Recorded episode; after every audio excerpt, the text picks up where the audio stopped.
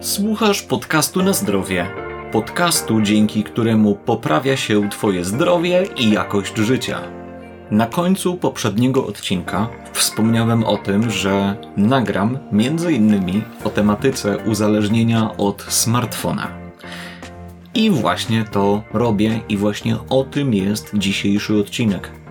Niedawno napisałem artykuł poradnikowy, w którym opisałem problem dotyczący uzależnienia od smartfona, a ściślej rzecz ujmując, uzależnienia od różnych czynności, które wykonujemy przy użyciu naszych smartfonów. Jednak uzależnić się możemy nie tylko od tych czynności, ale wprowadzić także niezdrowy nawyk nadmiernego, zbyt częstego korzystania, zerkania, dotykania, czucia smartfona. I właśnie o tym będzie dzisiejszy odcinek podcastu. W tym odcinku przeczytam artykuł, który napisałem, ale dodatkowo, oprócz czytania tego artykułu, dodam kilka moich przemyśleń i komentarzy. Mam nadzieję, że ta forma spodoba Ci się. I pamiętaj, że jeśli chcesz przeczytać ten artykuł, to jest on dostępny na mojej stronie internetowej. Nie chcę przedłużać, więc przejdźmy do konkretów. Smartfony to błogosławieństwo i przekleństwo dzisiejszych czasów. Ułatwiają życie, dają nieskończenie wiele możliwości, ale jednocześnie stanowią poważne zagrożenie. Uzależniają. I jest to poważny problem podnoszony w mediach, pracach naukowych czy rozważaniach ekspertów coraz częściej. Największe zagrożenie smartfony stanowią dla dzieci. Te są bardzo podatne na wiele czynników. Łatwo uzależniają się od mediów społecznościowych i gier, często nie potrafią rozdzielić fikcji od rzeczywistości i zwykle o wiele bardziej niż dorośli przejmują się na przykład tym, co piszą inni.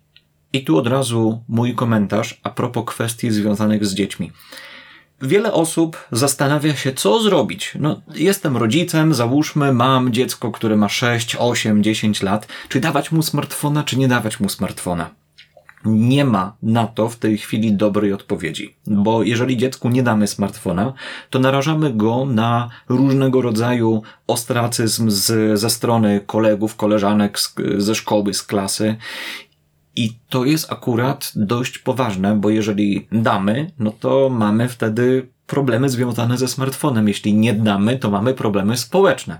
Jedno i drugie jest problemem i nie ma tutaj wyjścia. Prawdopodobnie mniejszym złem będzie jednak danie smartfona, ale od samego początku uczenie tego dziecka, w jaki sposób z niego korzystać. Oczywiście monitoring tego, co się na smartfonie dzieje. Teraz są różnego rodzaju tryby, które pozwalają na ograniczenie aktywności. No i co? I miejmy nadzieję, że dziecko będzie przynajmniej przez jakiś czas nie potrafiło obchodzić tych zabezpieczeń kontroli rodzicielskiej i że będzie korzystać ze smartfona w odpowiedni sposób. Wracamy do artykułu. Analizy wskazują na to, że intensywne korzystanie ze smartfona koreluje z problemami ze zdrowiem psychicznym i to w znaczącym stopniu. Nieodpowiednia konsumpcja smartfonów ma wpływ na problemy ze snem, z hormonami, ze wzrokiem, skupieniem, uwagą, produktywnością i szeroko rozumianą jakością życia. Dużo, prawda? Ten poradnik pomoże Ci w konkretny sposób zmniejszyć lub całkowicie pozbyć się problemu ze smartfonem. Porusza między innymi następujące zagadnienia. Opis problemu uzależnienia od smartfonów, jak rozpoznać, czy mamy problem, uzależnienie od rozproszenia, układ nagrody, czyli kwestie związane z dopaminą, motywacją, prokrastynacją, produktywnością, w jaki sposób ograniczyć korzystanie ze smartfona i jak zmniejszyć uzależniający potencjał smartfonów. I tutaj ważna uwaga. Nie chodzi o całkowite rezygnowanie z korzystania ze smartfona, ale o ograniczanie, rozsądek. To jest podobnie jak z dietą. Czyli mniej niezdrowego, więcej zdrowego, ale nadal jesz. Gdybyś przestał jeść, to nie będzie to korzystne. I tutaj moja uwaga, od razu to powiem, tam później jeszcze też nawiązuję do tego w pewnym sensie. Jest coś takiego jak post dopaminowy. Wiele osób mm, próbuje przejść na ten post dopaminowy, czyli na jakiś czas całkowicie rezygnuje z przeróżnych ekranów, z gier, muzyki, powiadomień, newsów, dosłownie ze wszystkiego, co daje dopaminę okazuje się, że to nie jest do końca dobre rozwiązanie i lepiej jest właśnie, tak jak z dietą, nie całkowicie przestać jeść, nie robić sobie całkowitego postu, bo będzie efekt jojo, tylko rozsądek i ograniczenie, czyli optymalizacja użycia i to wydaje się lepszym rozwiązaniem. Ale przejdźmy do opisu problemu. Smartfon czy też tablet to narzędzie uzależnienie od niego nie jest oficjalnie sklasyfikowane jako zaburzenie i nie występuje jako jednostka chorobowa. Eksperci nie są zgodni co do tego, czy mówić o uzależnieniu od smartfona, czy może raczej o uzależnieniu od różnych czynności, jakie na takich urządzeniach wykonujemy. Możliwe, że bardziej precyzyjne byłoby mówienie o uzależnieniu od gier, mediów społecznościowych, FOMO, czyli zjawisku Fear of Missing Out, problematycznych nawykach i tym podobnych oddzielnie. Jednak dla uproszczenia w tym poradniku mowa jest o uzależnieniu od smartfona. Jest to pojęcie ogólne, ponieważ poszczególne jego elementy przenikają się ze sobą, często sobie współtowarzyszą, łączy je korzystanie z tego samego urządzenia, czyli smartfona, tabletu. Podobnie metody radzenia sobie z tym problemem przenikają się ze sobą, często są identyczne. I tak jak wspomniałem na wstępie, tutaj dodaję, my raczej uzależniamy się od różnych czynności, ale jako, że te czynności łączy jeden konkretny sprzęt, to nasze mózgi zaczynają kojarzyć konkretny sprzęt, czyli właśnie smartfon, tablet, z czynnościami, które na nim wykonujemy. Więc jeżeli dużo różnych czynności wykonujemy na smartfonie, które dają nam nagrodę w postaci zastrzyku dopaminy, pustej, prostej dopaminy, to będziemy wyrabiać w sobie nawyk sięgania po tego smartfona. I to już nie jest korzystne. Idziemy dalej. Jest to problem społeczny. Uzależnienie od smartfona koreluje dodatnio na przykład między rodzicem a dzieckiem, a także z agresją czy pogorszonym zdrowiem. Często jest to nawyk, który może być uświadomiony bądź nie. Czasami mówi się o uzależnieniu od ekranów ponieważ w przypadku niektórych osób problemem są także inne urządzenia, np. laptopy, które mogą być równie poręczne i przenośne co tablet.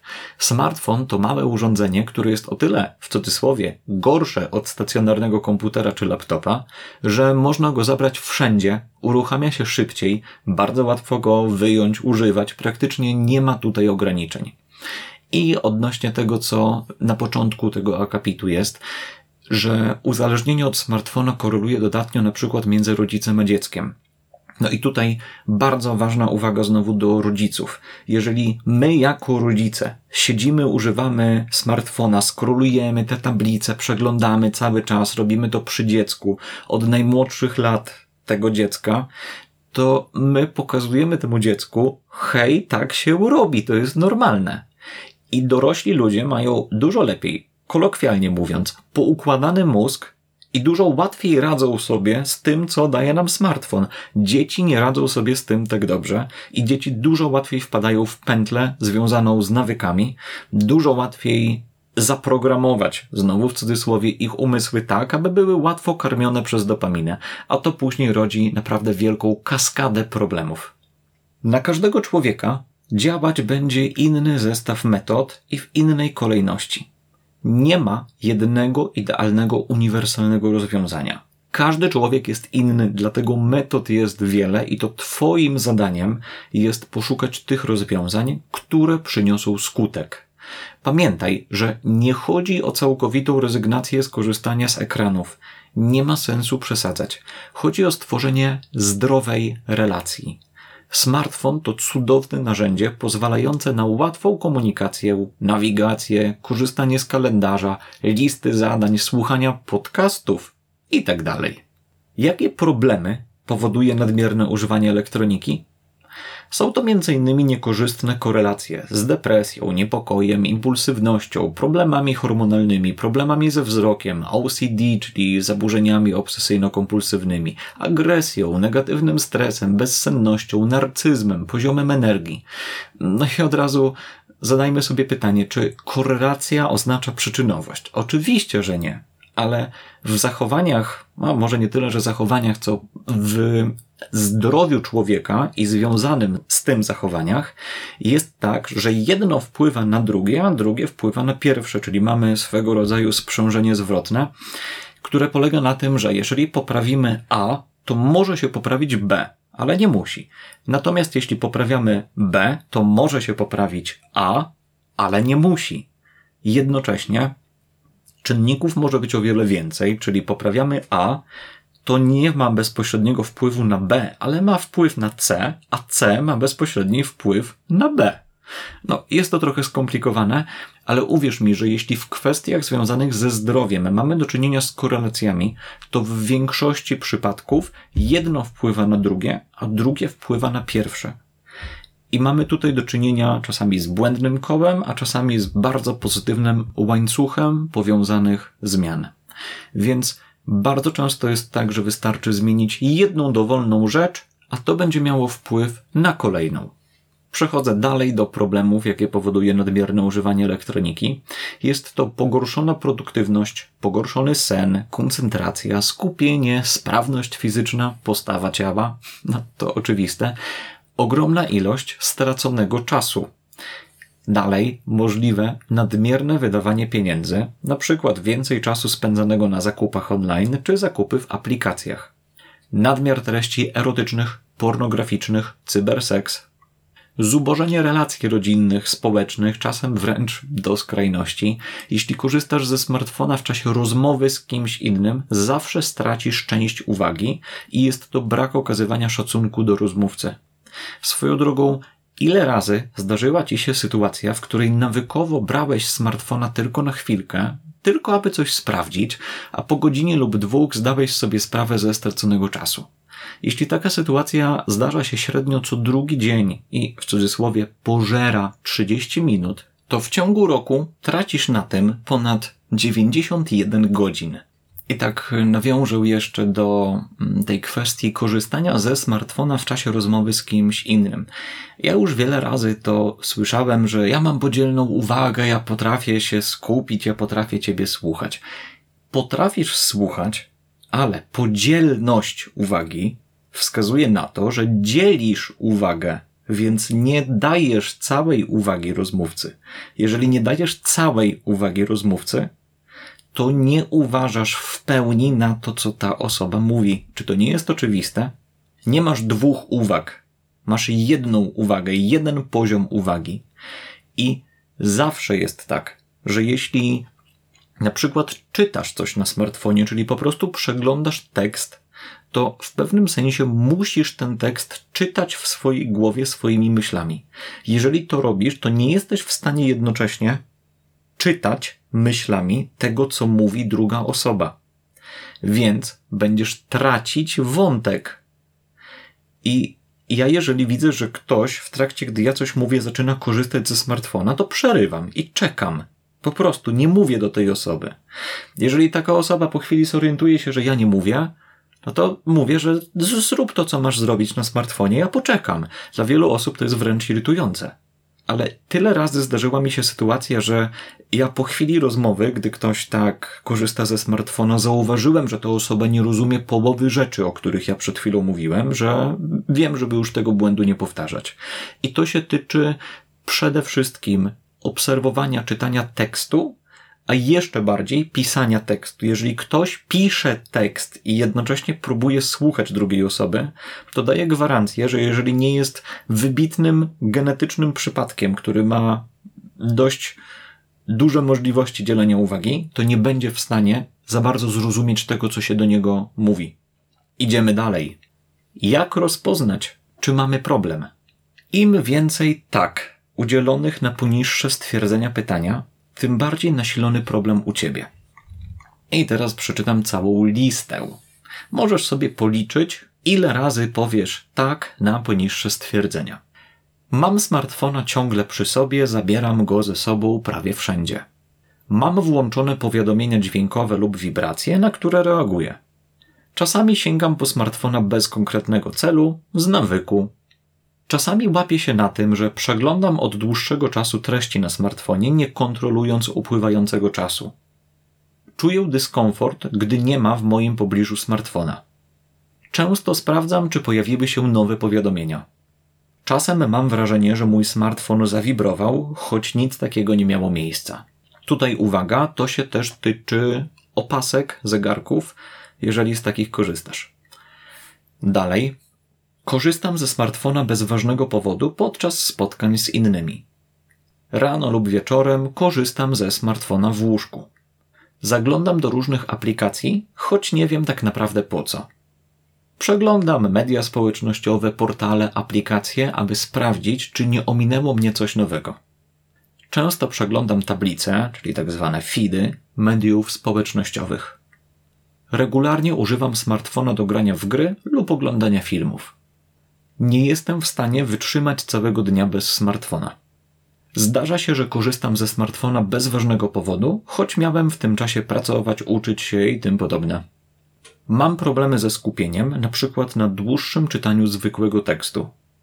Korzystam ze smartfona podczas jazdy samochodem. Zdarza mi się położyć spać później niż miałem w planach, ponieważ korzystałem ze smartfona bez ważnego powodu. Zdarza mi się korzystać ze smartfona bez ważnego powodu, choć mogę ten czas spędzić produktywnie z rodziną, znajomymi. Zdarza się, że ktoś upomina mnie, że za dużo lub za często korzystam ze smartfona.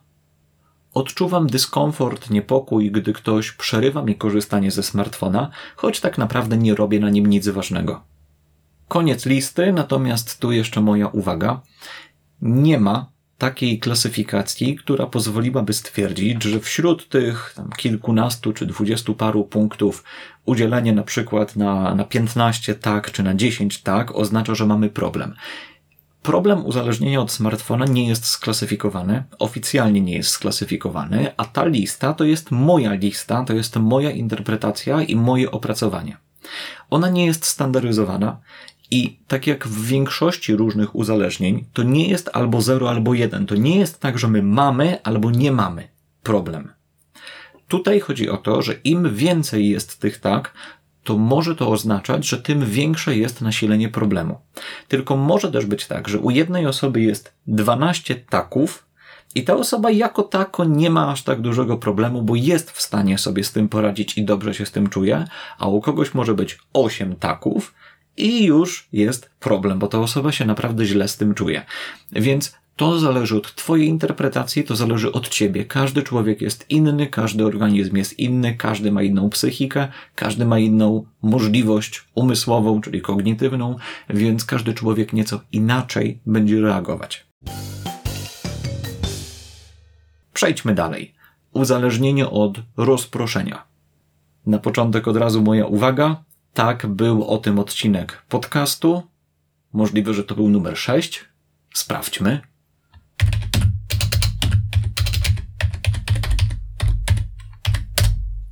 Tak, dobrze pamiętam, to był odcinek szósty podcastu na zdrowie, uzależnienie od rozproszenia, więc jeśli nie słuchałeś, nie słuchałaś tego odcinka, naprawdę zachęcam do przesłuchania go.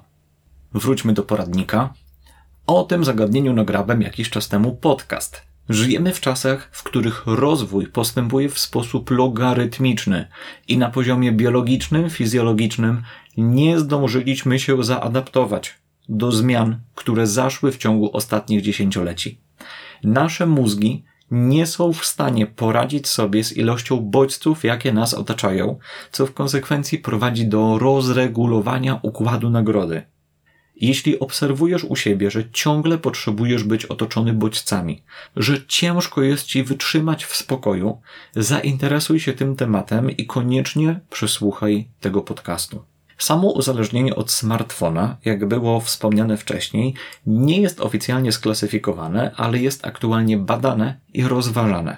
O uzależnieniu możemy mówić, gdy między innymi mamy problem z kontrolą swojego zachowania, wykonujemy jakąś czynność automatycznie, nawykowo, bez zastanowienia, oraz wykonujemy czynność mimo świadomości negatywnych konsekwencji.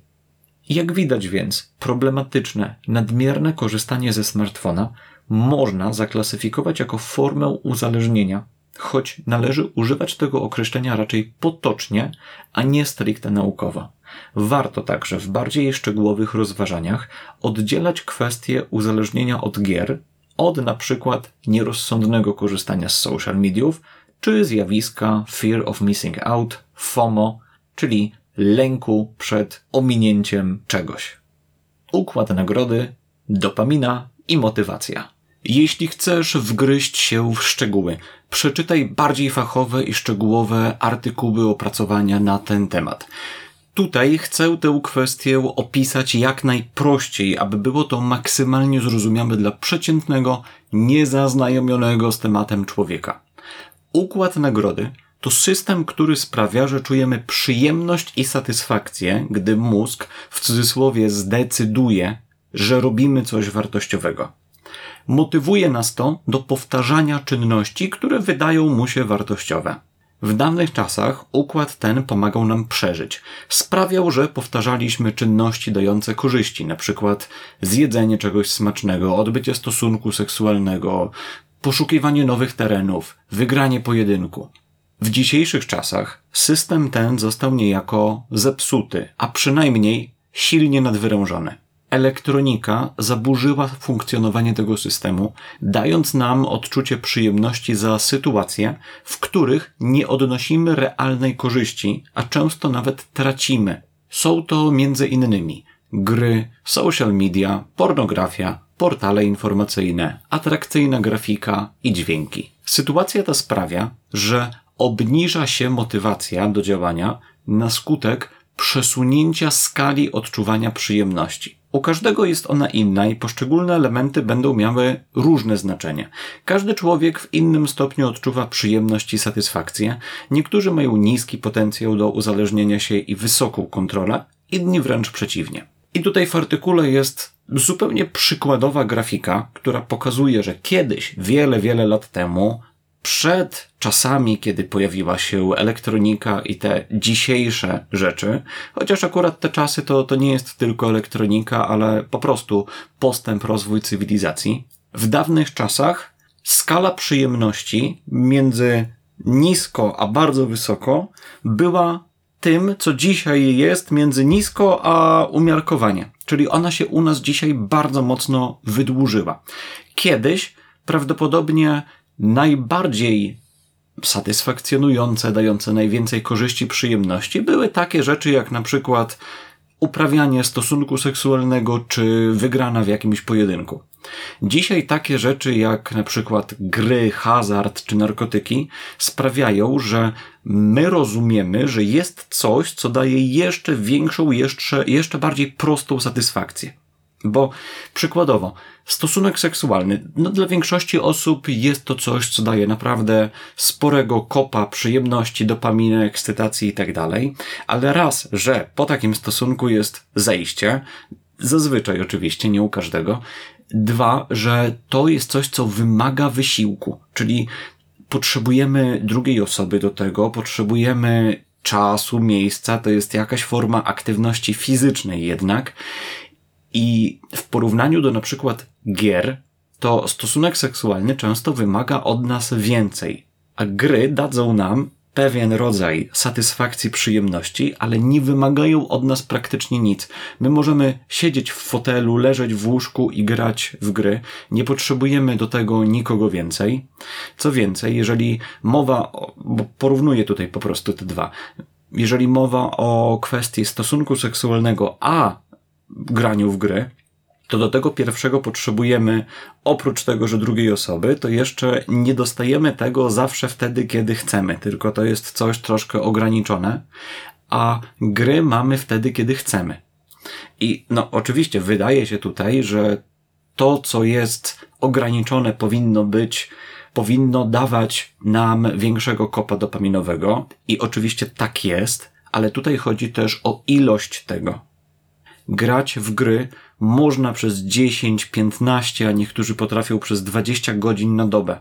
I mamy zarówno osoby, które są uzależnione od seksu, od słodyczy, od gier, od hazardu, od telewizji, od wielu, wielu, wielu innych rzeczy.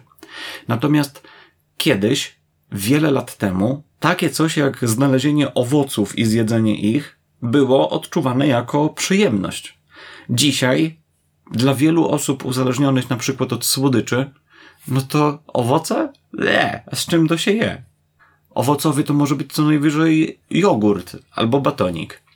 Także mówiąc inaczej, przez to, że teraz mamy dostęp do dużo bardziej silnych bodźców, przesunęła się nasza skala odczuwania przyjemności.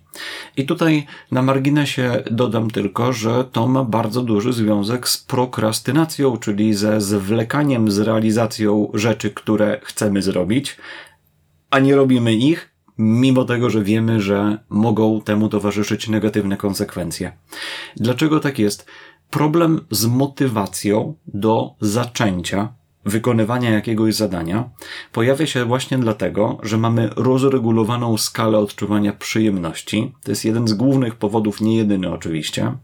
No i mamy, mamy tak rozregulowaną skalę odczuwania przyjemności i wiemy, że ta prosta czynność, którą mamy zrobić, ona nie będzie nam dawała takiego kopa, takiego poczucia przyjemności, satysfakcji, jak na przykład granie w grę, albo przeglądanie YouTube'a, albo wejście na jakiś portal z newsami, bo tam dostaniemy coś nowego. Tam będzie na nas czekać coś, czego jeszcze nie znamy. I to daje większego kopa dla dopaminy. I dlatego właśnie, gdy jesteśmy rozregulowani, tak ciężko jest wziąć się do robienia rzeczy. Wróćmy do artykułu. Mówiąc inaczej, dzisiaj mamy więcej bodźców, do tego wiele z nich jest o wiele silniejszych względem tych, które dostępne były setki czy tysiące lat temu. Dzisiaj jesteśmy poddani tak silnym i licznym bodźcom, że znacząco cierpi nasza uwaga, motywacja i produktywność. Nasz mózg wie, że ma dostęp do dających największy wyrzut dopaminy rzeczy, na przykład gry, pornografia, dlatego nie czuje potrzeby, abyśmy się zajmowali z prymitywnego punktu widzenia układu nagrody prostszymi zadaniami. Im więcej dajemy sobie przyjemności i im bardziej karmimy układ nagrody bodźcami takimi jak gry czy social media, tym trudniej jest nam rozpocząć pracę z mniej atrakcyjnymi czynnościami, na przykład czytaniem książki. I taka wstawka, która jest w artykule, w jaki sposób wyłączyć dziecko na wiele godzin. Daj mu tablet. Jeśli chcesz mieć spokój z kilku, kilkunastolatkiem na wiele godzin, daj mu tablet z dostępem do internetu bez żadnych blokad. Dziecko może siedzieć i klikać w bezsensowne z punktu widzenia dorosłego gry przez wiele godzin, bez jedzenia, bez korzystania z toalety. Dzieci są o wiele bardziej podatne na tego typu atrakcje, a twórcy gier Tworzą je specjalnie z myślą o jak największym wciąganiu i jak największym stymulowaniu układu nagrody. To może katastrofalnie wpłynąć na zdrowie psychiczne dziecka. Produktywność i prokrastynacja. Nie jest trudno wywnioskować, że ze względu na opisany powyżej problem spada nasza produktywność, czyli efektywność działań oraz pojawia się prokrastynacja, czyli odwlekanie realizacji zadań. Tym samym pojawia się błędne kobo, w którym czujemy się coraz gorzej i z tego powodu często ponownie sięgamy po smartfona, aby poprawić sobie nastrój. Powtórzę to jeszcze raz, bo to jest naprawdę ważne. Mamy problem, spada nasza produktywność, zwlekamy z rozpoczęciem zadań, pojawia się błędne koło, w którym zaczynamy się coraz gorzej czuć i z tego powodu bardzo często ponownie sięgamy po smartfona, aby tam poprawić sobie nastrój, na przykład grając w gry czy coś przeglądając. I tak, to dokładnie tak samo działa na przykład u alkoholika, który pije alkohol, ponieważ zaczyna bardzo źle się czuć ze sobą, gdy nie jest pod wpływem. To jest ten sam mechanizm, tylko oczywiście jego skala, jego nasilenie jest nieco inne. Ale ten mechanizm też jest poważny. Tylko na szczęście, w przypadku takich rzeczy jak smartfon, mamy tutaj do czynienia z czymś, co ma mniejsze negatywne skutki stricte fizjologiczne, biochemiczne. Bo spożywanie alkoholu czy branie narkotyków, no wiemy doskonale jak, jak działa destrukcyjnie na, na nasz organizm, Akurat jeśli ktoś nawet przez 5 czy 10 lat gra dużo w gry, ogląda mm, seriale ciągle, e, ten tak zwany binge watching, czy chociażby siedzi w social mediach po parę godzin, to może z tego wyjść i co do zasady, poza na przykład pogorszoną sprawnością fizyczną, nic mu się większego nie stanie. Także tutaj na szczęście nie jest tak źle, łatwo jest z tego wyjść, ale też nie można tego bagatelizować. Wróćmy do artykułu. Dodatkowo bardzo często pojawiają się racjonalizacje w stylu coś mi się od życia należy, przecież trzeba się jakoś zrelaksować, czy ale ja lubię grać, przeglądać, oglądać i tak dalej. Zgadza się. Nikt nie mówi tutaj o ciągłej pracy. Jednak, jeśli robisz coś dla siebie, masz w planach realizację marzeń, celów, na przykład stworzenie swojego warsztatu, napisanie książki, czytanie książek, nauczenie się obcego języka, nauka nurkowania, uczenie się wystąpień publicznych, otworzenie firmy itd. Tak to każda godzina spędzona na nieproduktywnym korzystaniu ze smartfona oddala cię od realizacji tych działań. Dajesz sobie chwilową przyjemność kosztem odroczonej gratyfikacji możesz w ogóle jej nie doświadczyć, choć będzie ona o wiele większa. Gdy realizujemy trudne, długoterminowe plany, czujemy długotrwałą poprawę nastroju, zwiększa się samoocena, pewność siebie. Natomiast gdy zdajemy sobie sprawę, że ulegliśmy prokrastynacji i kolejne kilka godzin spędziliśmy na bezsensownym klikaniu, możemy odczuwać irytację, złość i zryw motywacyjny, który szybko się kończy.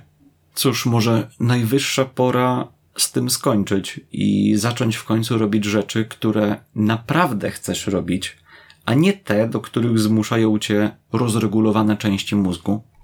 I tutaj znowu moja wstawka, zanim przejdziemy do kolejnego punktu. Błędne koło połączone z naszymi racjonalizacjami to jest coś strasznego, to jest coś przerażającego co niestety ma miejsce, występuje w naprawdę wielu dziedzinach naszego życia.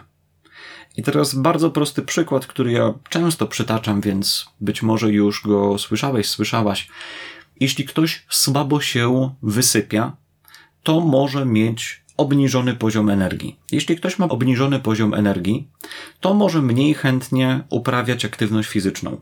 Gdy ktoś mniej chętnie uprawia aktywność fizyczną, czyli po prostu mniej ćwiczy, to może mieć przez to gorzej działający układ pokarmowy, więc gorzej trawi, gorzej przyswaja i tak dalej. Jeśli ktoś gorzej trawi, gorzej przyswaja, gorzej się odżywia, to może to wpłynąć na na przykład senność, ogólny poziom energii w dzień. Gdy ktoś ma obniżony poziom energii w dzień i, i większą senność, to może na przykład ucinać sobie drzemki w ciągu dnia, które, jeśli są niepoprawnie robione, mogą wpływać na zaburzenie rytmu dobowego, czyli pogarszać sen nocny. No i kółeczko się zamyka. Oczywiście te kółeczka nie są prostolinijne. To nie jest tak, że jedno wpływa na drugie, drugie na trzecie, trzecie na czwarte, a czwarte na pierwsze. Tylko tutaj mamy do czynienia z czymś takim, co mógłbym najlepiej zobrazować, przedstawiając Ci taką wielką, splątaną kulkę składającą się z gumek recepturek. Czyli wszystko to wiąże się ze sobą, ale wszystko się przenika nie ma tak łatwo, że możesz tylko jedną rzecz zmienić i, i to już wszystko będzie działać, tylko czasami trzeba zmienić kilka, czasami trzeba zmienić jedną jako początek, potem drugą, trzecią, czwartą, a potem na przykład posypie się na chwilę piąta, ale gdy zmienisz szóstą, to się piąta naprawi i tak dalej. No i można tak powiedzieć, to jest trudna misja, żeby to wszystko naprawić, ale ona jest po prostu warta zrobienia tego, bo przyjemności i satysfakcji związanej z tym, jak się człowiek czuje, gdy ponaprawia się, dosłownie nie da się opisać słowami. Ona jest o wiele, o wiele, o wiele większa niż każda przyjemność, satysfakcja związana na przykład z przeglądaniem social mediów, graniem w gry, oglądaniem seriali, robieniem wszystkich tych rzeczy związanych z ekranami. No i też raz jeszcze parę słów odnośnie mm, chwilowej przyjemności kosztem odroczonej gratyfikacji. Jeżeli mamy jakieś swoje cele, plany, ambicje załóżmy, że chcemy zrobić coś, co będzie wymagało od nas dużych nakładów pracy. Na przykład chcemy otworzyć swój własny warsztat, no i do tego potrzebujemy, mm, powiedzmy, jakiejś tam kwoty rzędu 100 tysięcy złotych na, na jakąś nieruchomość, na jakiś garaż, na wyposażenie, na wszystko inne. I do tego potrzebujemy jeszcze ileś tam 10 czy set godzin pracy, żeby to wszystko zrobić. To się wydaje z początku duże, no bo trzeba najpierw nazbierać, czyli trzeba, trzeba włożyć pewien wysiłek w pracę, żeby uzbierać gotówkę, potem trzeba znaleźć nieruchomość, ją kupić, odremontować, poszukać sprzętu i tak dalej, i tak dalej. Ale pamiętajmy o tej bardzo ważnej rzeczy, że nam zazwyczaj satysfakcję i przyjemność daje robienie czegoś, czyli dążenie do realizacji czegoś, a nie tylko zrobienie tego. Co więcej, często jest tak, że dążenie do realizacji czegoś daje większą satysfakcję niż gdy ten cel zostanie osiągnięty. Dlatego, jeżeli jesteś człowiekiem ambitnym, który ma duże plany, to stawiaj sobie właśnie duże, duże, bardzo duże plany, tak żeby cieszyć się drogą do realizacji tych, tych marzeń, tych celów. I przykładowo ja właśnie tak robię, że stawiam sobie naprawdę spore plany, spore cele, bo wiem, że prędzej czy później ja je osiągnę. Jeżeli ja je osiągnę w ciągu trzech czy pięciu lat od teraz, to nie będę zadowolony. A jeżeli postawię sobie cele, które zajmą mi 15, 20, 30 lat życia, no to będzie długa droga do ich osiągania i gdy już kiedyś je osiągnę, to satysfakcja będzie najprawdopodobniej niesamowita. Nie chcę tu wchodzić też w filozofię, bo w zasadzie o, o tych rzeczach związanych z planami, realizacją marzeń, cel, celami i tak dalej, to mógłbym nagrać spokojnie kolejny odcinek, ale, ale to nie teraz. To, to innym razem. Pomysłów jest dużo, czasu trochę mniej, ale, ale kiedyś to wszystko nagram. Wróćmy do odstawiania smartfona, do praktyki. Ograniczenie uzależnienia od smartfonów. Praktyczne działania. Warto mieć na uwadze, że przedstawione dalej metody ograniczania negatywnego wpływu smartfonów powinny być dopasowane indywidualnie i podana kolejność nie jest zobowiązująca. Wdrażaj te zmiany, które czujesz, że możesz wdrożyć. Potraktuj je jako checklistę, którą masz do zrobienia, ale nie musi być ona wykonana w podanej kolejności. Co więcej, nie wszystkie czynności potrzebujesz wykonać, aby osiągnąć efekty. Najprawdopodobniej najwięcej skorzystasz na wdrożeniu tych metod, które od razu sprawiają wrażenie trudnych dla ciebie. Kategoria sposób myślenia, otoczenie. Zwróć uwagę na sposób swojego myślenia. Brzmi banalnie, ale to fundament. Może masz wyuczone przekonania, które stwarzają blokady. Może przywiązujesz się emocjonalnie do tego, co robisz i bronisz swoich zachowań. Może nawykowo usprawiedliwiasz swoje działania, bo to pozornie, powierzchownie poprawia ci nastrój. Często w uzależnieniu pojawia się wyparcie, bagatelizowanie problemu, wręcz naśmiewanie się z niego. To mechanizmy obronne, czyli forma radzenia sobie z odczuwaniem dyskomfortu. Gdy ograniczasz korzystanie ze smartfona, unikaj nudy. Prawdopodobnie nie chcesz wiązać ograniczenia smartfona z czymś nieprzyjemnym, dlatego zadbaj o to, abyś miał co robić. Może w końcu znajdziesz czas na spotkanie ze znajomymi na pójście na ściankę wspinaczkową lub kręgle. W końcu przeczytasz zakurzoną książkę kupioną trzy lata temu. Uporządkujesz dokumenty. Zrobisz przegląd ubrań. Postaraj się skojarzyć ograniczenie korzystania ze smartfona z czymś przyjemnym lub produktywnym. Pilnuj tylko, aby się nie przebodźcować. Nie narzucaj na siebie zbyt wiele. Zaobserwuj, gdzie jest źródło problemu, to znaczy dlaczego sięgasz po smartfona. Czy jest to przyzwyczajenie, uczucie dyskomfortu, nuda, smartfon po prostu leży tuż obok ciebie? Może przypomniało ci się, że masz coś sprawdzić? Czy to naprawdę ważne i nie może poczekać? Nie musisz sprawdzać pogody co chwilę. Jeśli ktoś napisał do ciebie, to raczej nie jest to bardzo pilne. Gdyby było, dzwoniłby. Kategoria korzystanie ze smartfona. Obserwuj, zapisuj, gdy korzystasz ze smartfona bez ważnego powodu. Gdy skorzystasz ze smartfona nawykowo, postaraj się zapisać ten fakt, a przynajmniej skup się na nim, zaobserwuj go. Możesz notować, co robisz od razu po wzięciu smartfona, na przykład jaką aplikację otwierasz i przykładowo zablokować, ograniczyć, zmienić właśnie tę aplikację. Na przykład, jeśli ciągle zaglądasz na tablicę portalu społecznościowego, ogranicz ją, zablokuj aplikację, zmień miejsce ikony, odinstaluj albo ustaw hasło do otwarcia jej. Przejrzyj po jakimś czasie notatki, aby zaobserwować powtarzające się schematy. Wyznacz godziny korzystania ze smartfona lub godziny korzystania z konkretnych spraw, np. social mediów, e-maila, komunikatorów. Może to być np. codziennie od 19 do 20 albo dla każdego oddzielnie. Chodzi o to, aby przestać korzystać, sprawdzać smartfona aplikacje co chwilę bez kontroli. Możesz podejść do tego na kilka sposobów. Godziny, w których korzystasz ze smartfona, a w innych nie korzystasz, godziny, w których nie korzystasz ze smartfona, na przykład codziennie od 10 do 14 oraz od 16 do 20, lub godziny, w których korzystasz lub nie korzystasz z poszczególnych aplikacji zadań. Przenieś jak najwięcej pracy i zadań na duże ekrany, to znaczy na PC lub laptopa. Tak, to prawda, korzystanie ze smartfona jest łatwe, szybkie i przyjemne. Jednak jakość pracy na smartfonie jest niższa ze względu na mały ekran i ograniczony interfejs. Dodatkowo na smartfonie o wiele łatwiej o rozpraszacze, nowe powiadomienia, nowe interakcje. Jeśli przeniesiesz większość pracy na duży ekran, czyli potocznie komputer, możesz łatwiej zadbać o produktywność.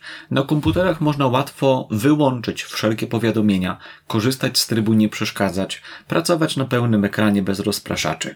Koniecznie zadbaj o środowisko pracy. Twój smartfon nie powinien leżeć przy tobie na biurku. Najlepiej zostaw go w innym pokoju. Jeśli potrzebujesz smartfona do komunikacji, czyli telefon, SMS, a reszta zadań nie jest niezbędna, rozważ zakup klasycznego telefonu bez zaawansowanych funkcji. Takie urządzenia są stosunkowo tanie, to jest koszt 100-150 zł na 2023 rok. Dodatkowo zwykle długo trzyma w nich bateria, są małe i lekkie. Nie ograniczają Twojej komunikacji, a fizycznie ograniczają korzystanie z funkcji, które łatwo uzależniają, czyli na przykład social media, zaawansowane gry. Tutaj jednak trzeba podejść z rozsądkiem, ponieważ klasyczne urządzenia mogą ograniczyć możliwość korzystania przykład z komunikatorów takich jak Signal czy Messenger, a jednocześnie zapewnić rozrywkę, przykład proste gry czy przeglądarka stron internetowych na niższym, choć nadal wystarczającym poziomie.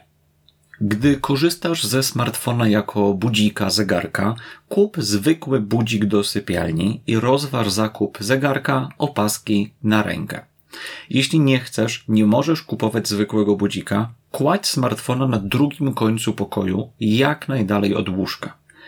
Przestrzegaj zasady, że smartfon musi trzymać się z daleka od łóżka. Jeśli natomiast sprawdzasz często godzinę korzystając ze smartfona, zacznij korzystać z urządzenia na rękę.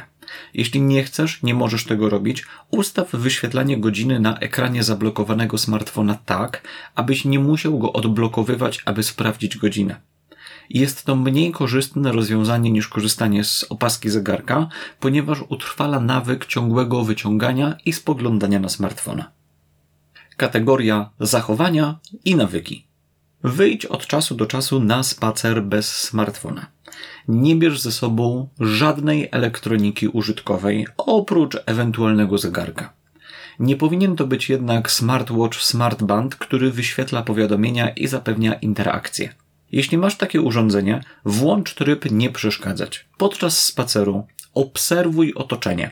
Skupiaj się na sobie, otoczeniu, ludziach, których mijasz, na przyrodzie, zgiełku miasta, odgłosach.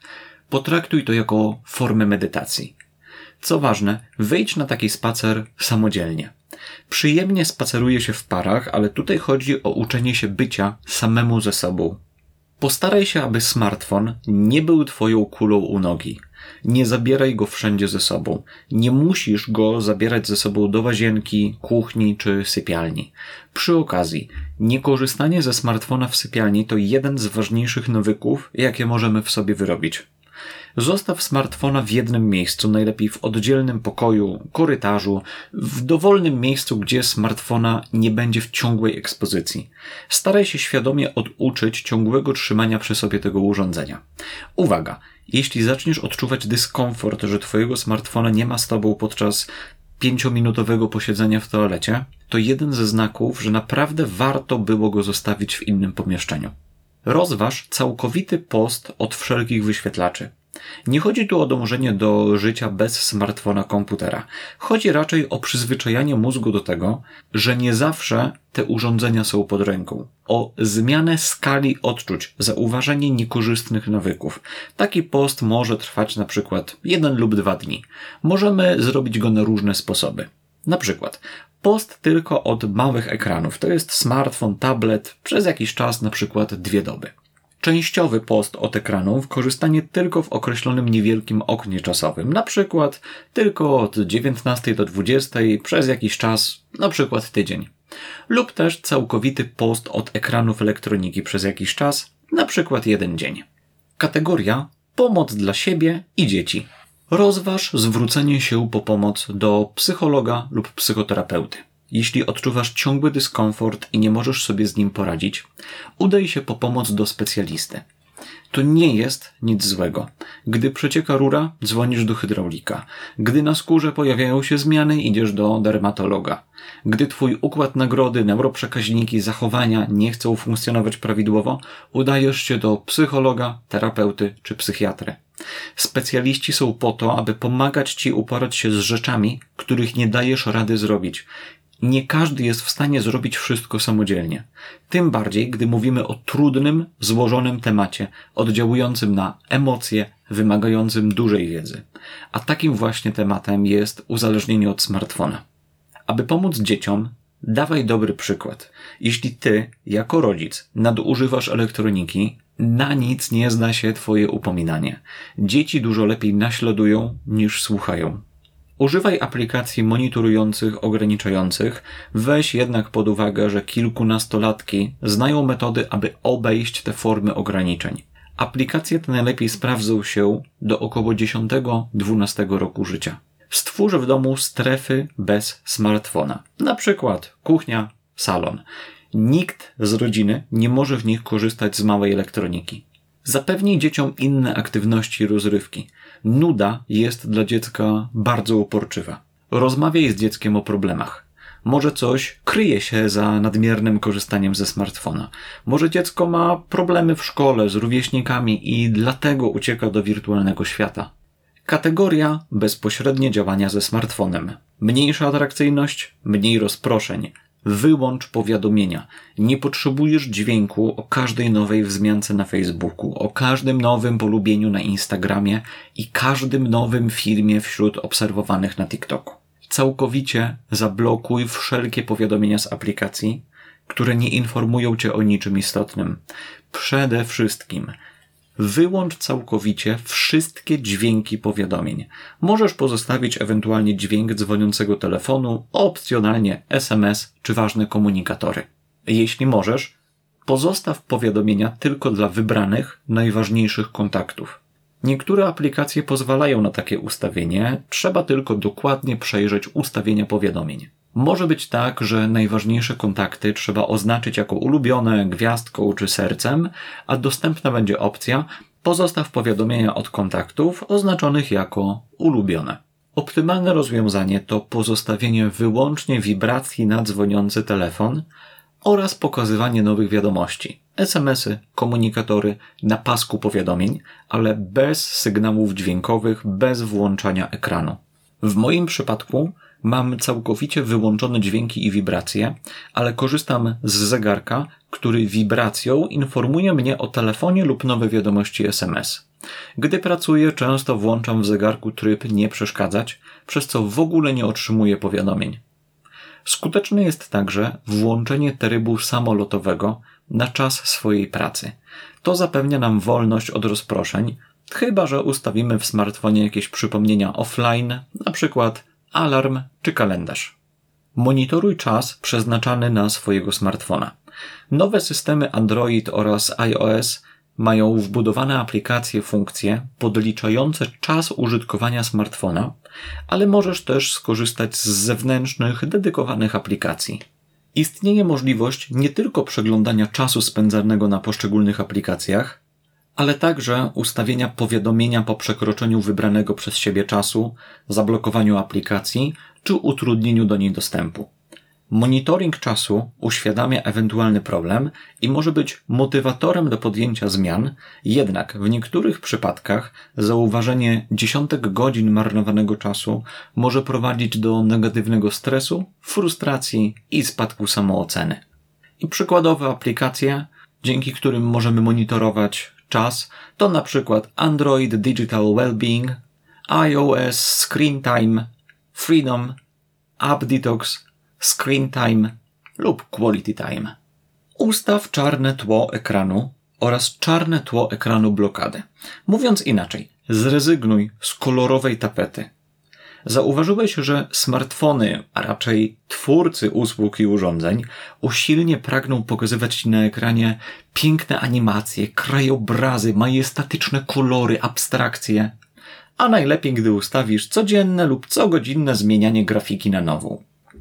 Ma to na celu sprawić, aby kontakt ze smartfonem był jak najbardziej atrakcyjny i aby jeszcze bardziej karmić układ nagrody.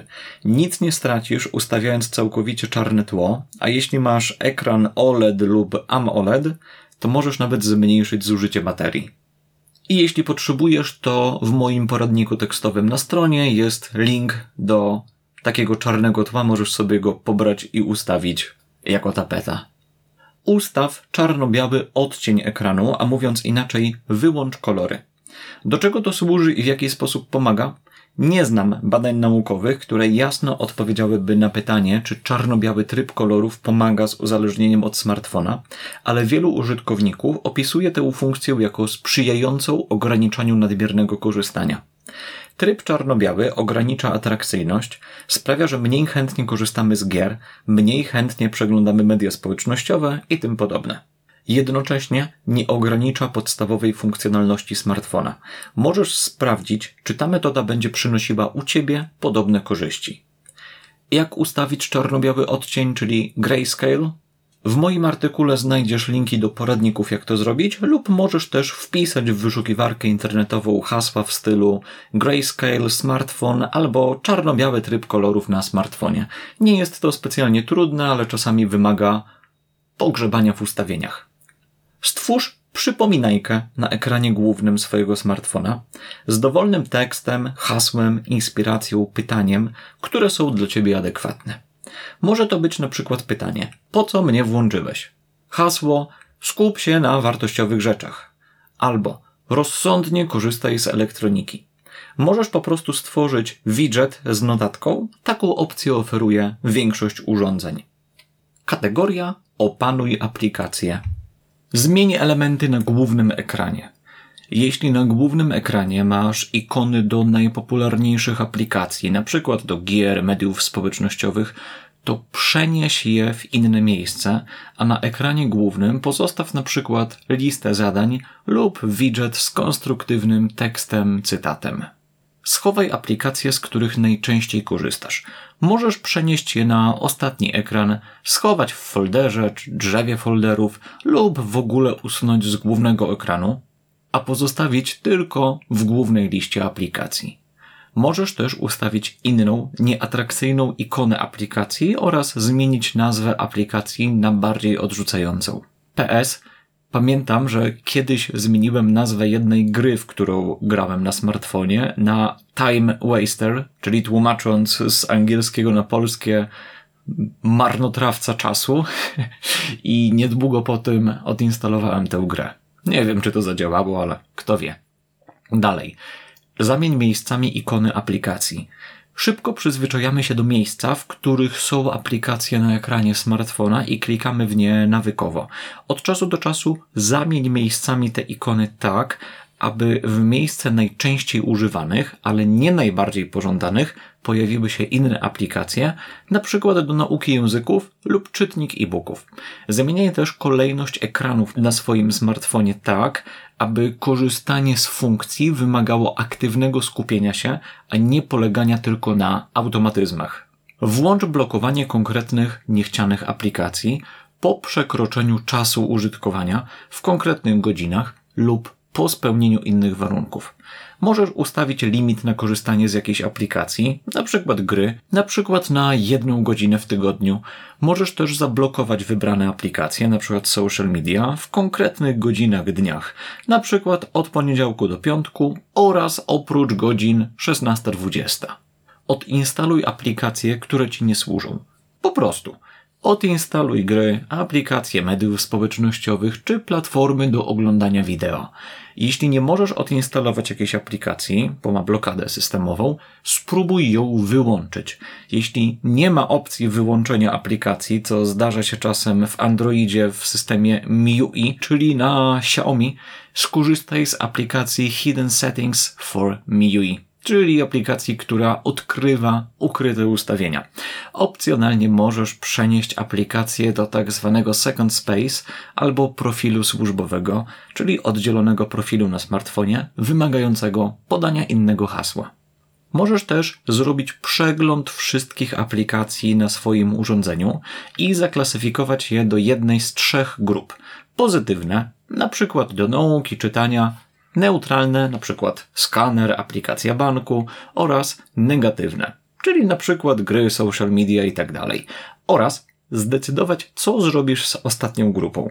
Preferowane jest wspomniane wcześniej odinstalowanie, choć może się to wiązać z silnym dyskomfortem. To dość normalne, że nasze mózgi bronią się przed odebraniem im źródła dopaminy. Kategoria utrudnianie dostępu i inne formy użytkowania. Używaj przeglądarki zamiast aplikacji do mediów społecznościowych. Odinstaluj aplikacje social mediów oraz zaloguj się do nich przez zwykłą przeglądarkę, np. Firefoxa. Wersje przeglądarkowe są mniej wygodne w użytkowaniu, często występują w nich błędy. Jest to najczęściej celowe działanie twórców aplikacji, aby miękko zmusić Cię do korzystania z dedykowanej aplikacji zamiast przeglądarki. Jednak Korzystając z wersji przeglądarkowej, często zyskujemy dostęp do niedostępnych w aplikacjach funkcji. Mamy możliwość zablokowania reklam, czy chociażby korzystania z oglądania wideo, np. YouTube'a, w tle z wyłączonym ekranem. Blokowanie feedów, czyli tablic w mediach społecznościowych. Na komputerach stacjonarnych służą do tego wtyczki takie jak na przykład News Feed Eradicator. Jeśli nie znajdziesz takiej wtyczki w wersji na Androida lub iOS, pozostaje utworzenie odpowiednich filtrów przez aplikację blokującą, np. uBlock Origin. I na mojej stronie internetowej jest przykładowe użycie tego w postaci grafik. Pokazuję tutaj w jaki sposób dość łatwo blokuje na Facebooku tablicę. Mam taką tablicę zablokowaną na Facebooku, na Instagramie, na YouTubie. Na YouTubie w sensie nie tablicy, ale po prostu wszystkie polecane filmy. I u mnie na przykład na YouTubie działa to tak, że wchodzę tylko na jakiś konkretny kanał, który, na który sam wejdę i nie mam żadnych miniaturek, nie mam po filmie polecanych kolejnych filmów i gdy wejdę na stronę główną YouTube'a, to jest po prostu pusto i po prostu przez to nie oglądam większości filmów, tylko oglądam filmy z kanałów, które chcę. Ogólnie, aby zrobić taką blokadę, trzeba włączyć stronę, którą chcemy, na przykład stronę główną Facebooka przez przeglądarkę, przejść do ustawień naszego blokera reklam i przejść do trybu zaznaczania elementów. Następnie klikamy na obrzeża tej naszej tablicy i zaznaczamy to, co chcemy usunąć. Patrzymy po prostu na to, co się zaznaczy i pozostawiamy to, co chcemy zostawić. A chcemy zazwyczaj zostawić ikony, te, które są na górze, na dole i nawigację. Oczywiście potem klikamy utwórz filtr, cieszymy się bardziej czystym ekranem. I pamiętajmy, że czasami trzeba kilka razy to powtórzyć, stworzyć kilka filtrów, aby dogrzebać się do źródła tablicy. Gdyby się zdarzyło, że zablokujemy za dużo, no to albo musimy ten filtr ostatni usunąć, albo gdy wejdziemy w jakąś konkretną stronę, na przykład stronę grupy, z której chcemy skorzystać i tam nic nie ma, to na chwilę będziemy musieli wtedy takiego blokera reklam wyłączyć. Idziemy dalej. Utwórz second space lub profil służbowy do wybranych zastosowań, na przykład do słuchania podcastów. Jest to rodzaj oddzielnej przestrzeni, którą odblokowujesz odciskiem innego palca lub innym hasłem lub pinem.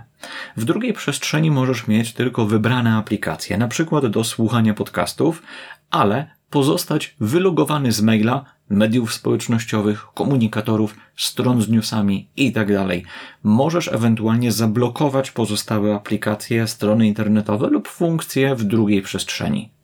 Korzystanie z niej ma sprawić, że będziesz mieć dostęp do tego, czego chcesz, na przykład wspomniane podcasty, ale jednocześnie ograniczyć nawykowe przeglądanie innych treści. Ustaw trudne, długie hasło do odblokowania ekranu.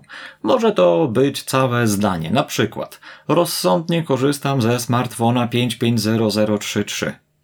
I oczywiście to jest przykład, nie stosuj go, te liczby na końcu mają na celu zwiększenie bezpieczeństwa. Pamiętaj, że do wielu funkcji, na przykład latarki, aparatu czy telefonu do służb, na przykład na pogotowie, możesz mieć dostęp bez odblokowywania smartfona. Przy okazji pamiętaj, że długie hasło do odblokowania smartfona jest najbezpieczniejsze. Najmniej bezpieczny jest wzór, który można stosunkowo łatwo zgadnąć, nawet przyglądając się na pozostawione na ekranie odciski. Załóż na swojego smartfona gumkę do włosów lub gumkę recepturkę. I brzmi to dość zabawnie, ale jest to prosta czynność, która pozwoli ci chwilę zastanowić się za każdym razem, gdy bierzesz do ręki smartfona. Jednocześnie założona na środek gumka nie uniemożliwia odebrania telefonu, ale utrudnia standardowe korzystanie, na przykład przeglądanie social mediów. Włóż smartfona do klatki, pojemnika, szuflady, woreczka, skrzynki, czegoś zamykanego. Trzymaj go nie pod ręką na biurku, ale w utrudniającym dostęp opakowaniu. Gdy mamy coś w zasięgu wzroku lub ręki, to łatwiej jest się do tego dostać. Im bardziej sobie utrudnimy dotarcie do czegoś, tym mniejsza szansa, że będziemy z tego korzystać.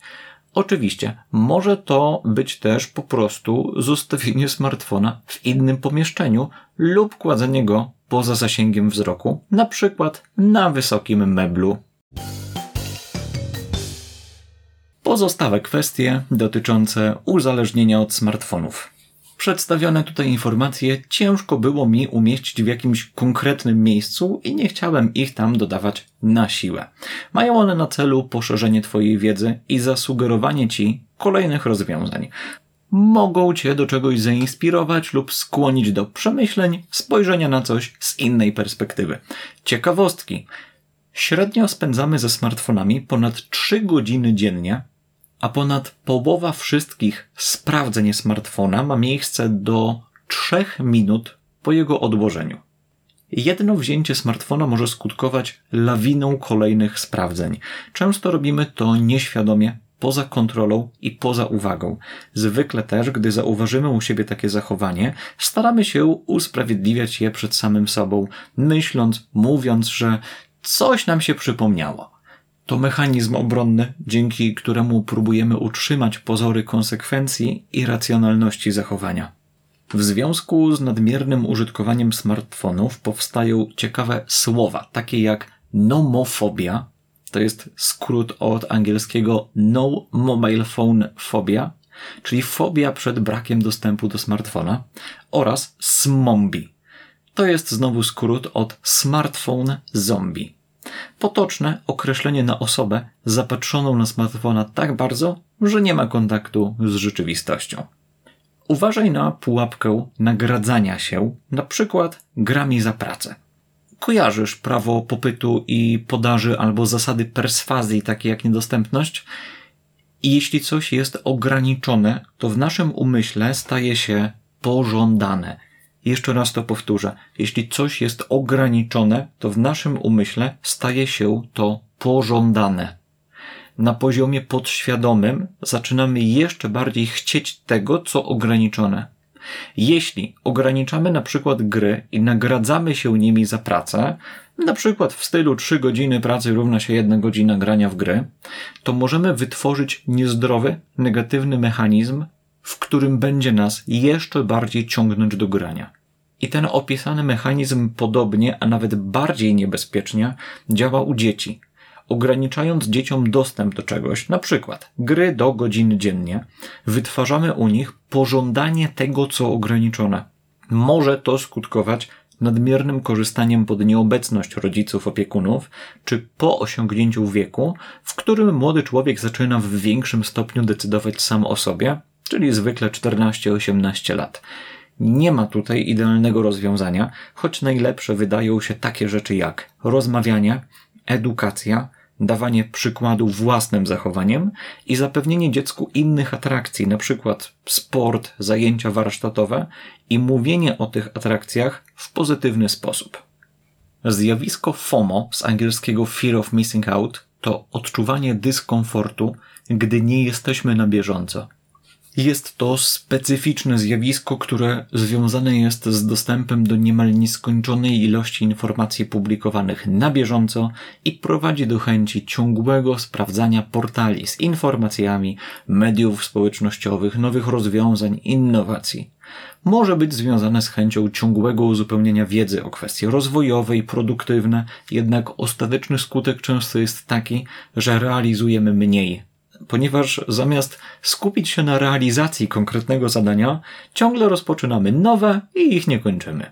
Może prowadzić do natłoku informacji, pogorszonego samopoczucia i negatywnego stresu. Aby radzić sobie z FOMO, akceptuj, że nie da się sprawdzić wszystkiego i zdobyć całej wiedzy. Jest jej po prostu zbyt wiele. Najważniejsze i tak cię nie ominie. Jeśli wydarzy się coś naprawdę ważnego, dowiesz się o tym na przykład od znajomych. Wyznacz sobie konkretne terminy sprawdzania newsów, na przykład co 3 dni od 19 do 20. Przydatna może być też wtyczka do przeglądarki Leech Block albo Leech Block, nie wiem w sumie jak to się czyta, ale link do niej jest w moim poradniku. To jest wtyczka, która działa na pewno w Firefoxie, na pewno działa w wersji i na komputer stacjonarny, i na smartfony.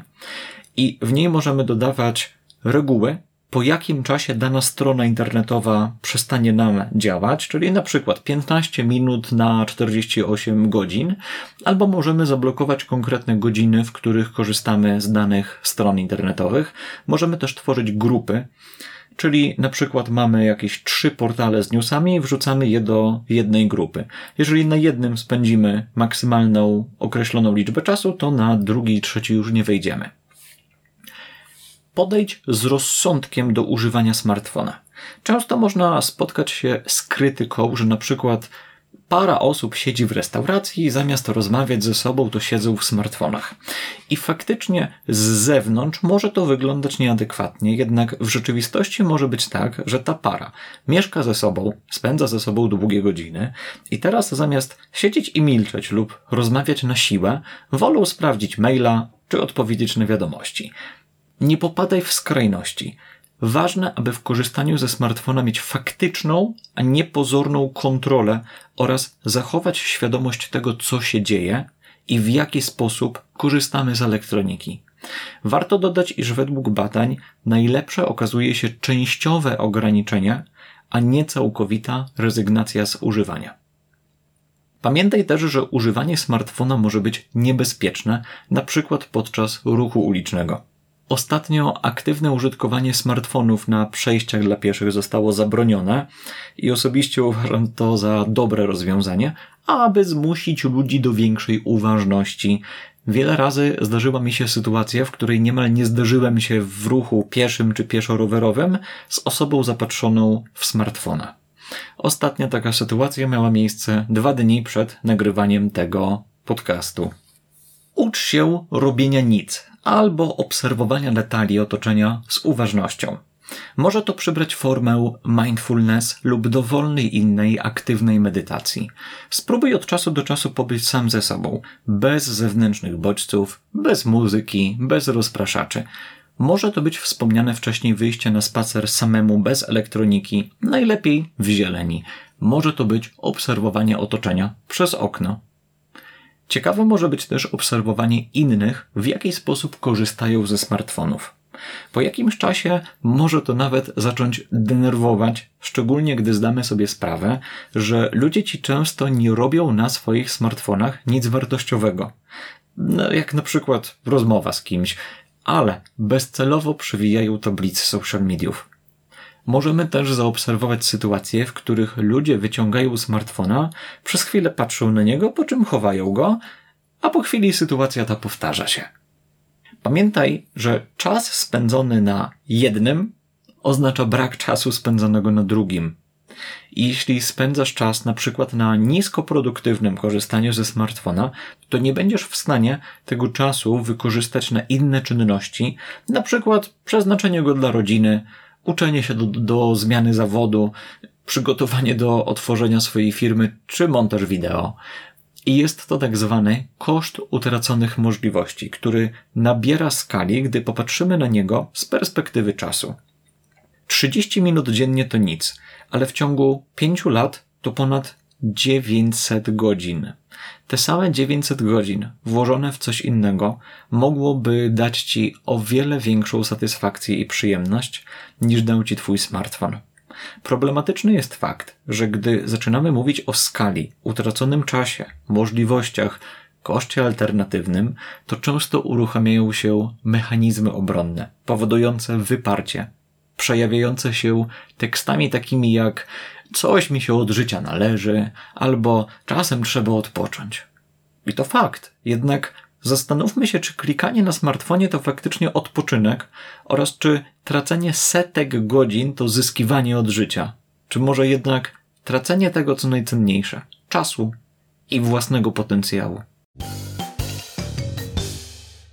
Podsumowanie. Uzależnienie od smartfona to postępujący wraz z rozwojem elektroniki problem. Jest to pojęcie ogólne, potoczne, gdyż powinniśmy rozróżniać raczej poszczególne jego składowe, takie jak uzależnienie od gier, social mediów, ogólne uzależnienie od rozproszenia, rozregulowanie układu nagrody, FOMO czy negatywne nawyki. Bez wątpliwości jednak problem z nadmiarowym korzystaniem ze smartfonów, tabletów i podobnej elektroniki istnieje i według różnych publikacji oraz ekspertów silnie koreluje on z pogorszonym zdrowiem, jakością życia, negatywnym stresem, prokrastynacją czy obniżoną produktywnością. Szczególnie groźny jest dla dzieci i młodzieży ze względu na większą podatność na wzmocnienia, trudniejsze odróżnianie rzeczywistości od fikcji czy większe przejmowanie się opinią innych. Aby walczyć z uzależnieniem od smartfona, powinniśmy skupić się na zachowaniach i czynnościach dotyczących użytkowania elektroniki oraz wprowadzić konkretne zmiany w urządzeniach. Mowa tu m.in. o następujących. Obserwacja źródła problemu, obserwacja swojego sposobu myślenia, zapisywanie sposobu korzystania ze smartfona, wyznaczenie godzin użytkowania, pozostawienie smartfona w innym pomieszczeniu, niezabieranie smartfona do sypialni, tymczasowe całkowite wstrzymanie się przed korzystaniem z elektroniki, wyłączenie powiadomień, monitorowanie czasu spędzonego na użytkowaniu za pośrednictwem dedykowanych aplikacji, zmniejszenie atrakcyjności wizualnej urządzenia, zmiana miejsca lub schowanie ikon aplikacji, odinstalowywanie niekorzystnych aplikacji, korzystanie z drugiej przestrzeni, ograniczenie dostępności lub uruchomienia smartfona. Koniec poradnika. Z ciekawostek myślałem, że on jest dużo krótszy i że go przeczytam dużo szybciej, ale wyszło jak zwykle długo. E, ale tak, ten poradnik jest całkiem spory i mam nadzieję, że w formie podcastu będzie on dla niektórych osób bardziej przystępny, bardziej dostępny, że zostanie.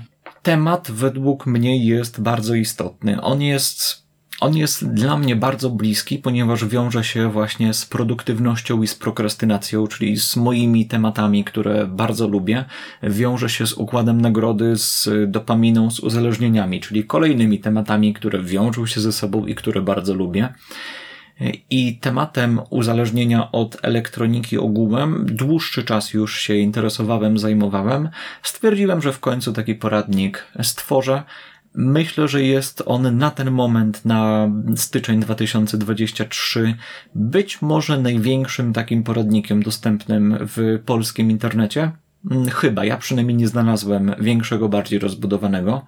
Być może są prace naukowe, które mm, są odrobinkę bardziej rozbudowane, ale mi chodziło o poradnik, który będzie bardzo przystępny i bardzo dostępny dla totalnie przeciętnych ludzi. Czyli, żeby tam nie było co drugie słowo odniesień do literatury naukowej i bardzo skomplikowanego słownictwa związanego z psychologią, tylko żeby to wszystko było napisane tak, żeby każdy człowiek to zrozumiał. Kto wie, ja może, być może na podstawie tego tekstu też stworzę jakąś publikację naukową. Będzie tutaj trzeba trochę to przeredagować, bo no wiadomo, ten poradnik jest dość ogólny. I przypominam, że tekst tego jest dostępny na mojej stronie internetowej. Bardzo łatwo, tak myślę, będzie to znaleźć. Jeżeli wejdziesz na stronę mojego podcastu, to będzie raczej 27 odcinek, czyli sebastianchudziak.pl ukośnik PNZ27. To znajdziesz tam właśnie link do tego artykułu. Od siebie dodam, że ostatnim czasem naprawdę mocno ograniczyłem używanie smartfonów, ogólnie elektroniki, jeśli chodzi o social media, o gry, naprawdę mocno poblokowałem przeróżne aplikacje, przeróżne elementy aplikacji, przede wszystkim elementy social mediów i jest dużo lepiej. Mam dużo więcej czasu, mogę ten czas poświęcić dla siebie, mogę ten czas poświęcić na pracę, na nagrywanie podcastów, na robienie innych rzeczy. W tej chwili także na edukację. Dużo czytam, powiedziałbym, że nawet ostatnio bardzo dużo. Dużo się dowiaduję, bo bardzo mocno zgłębiam temat związany z prokrastynacją i tym wszystkim, co jest wokół niej. A uwierz mi, że to jest większy temat niż się spodziewałem. W sensie myślałem, że to jest troszkę bardziej zawężone, ale jednak nie. To jest o wiele bardziej rozbudowane niż mm, miałem wrażenie. Bo tutaj wchodzimy na kwestie od takich rzeczy jak genetyka, biologia, cechy osobowości, temperament i tym podobne, przez kwestie związane z wychowaniem, z wyuczonymi nawykami, postawami, po takie rzeczy jak na przykład ADHD, depresja, spożywanie leków i wiele, wiele, wiele innych. Dlatego też, mówiąc wprost, uwielbiam tematykę związaną ze zdrowiem, jakością życia, psychologią, produktywnością. Jest to niesamowicie rozbudowane. Mnie niesamowicie pasjonuje grzebanie w tym, tak bardzo nieładnie mówiąc, ale ja chyba tak mam. Po prostu jest to dla mnie coś niesamowicie ciekawego, no i zamierzam kontynuować, zamierzam to robić, ale jest jedna rzecz, której nie zamierzam. Nie zamierzam już przedłużać. Chcę życzyć Tobie świetnego dnia, świetnego wieczora, czy wieczoru, nigdy się tego nie nauczę. W każdym razie, trzymaj się i zakończę to standardowymi słowami. Do usłyszenia w kolejnym odcinku podcastu na zdrowie. Na razie, cześć!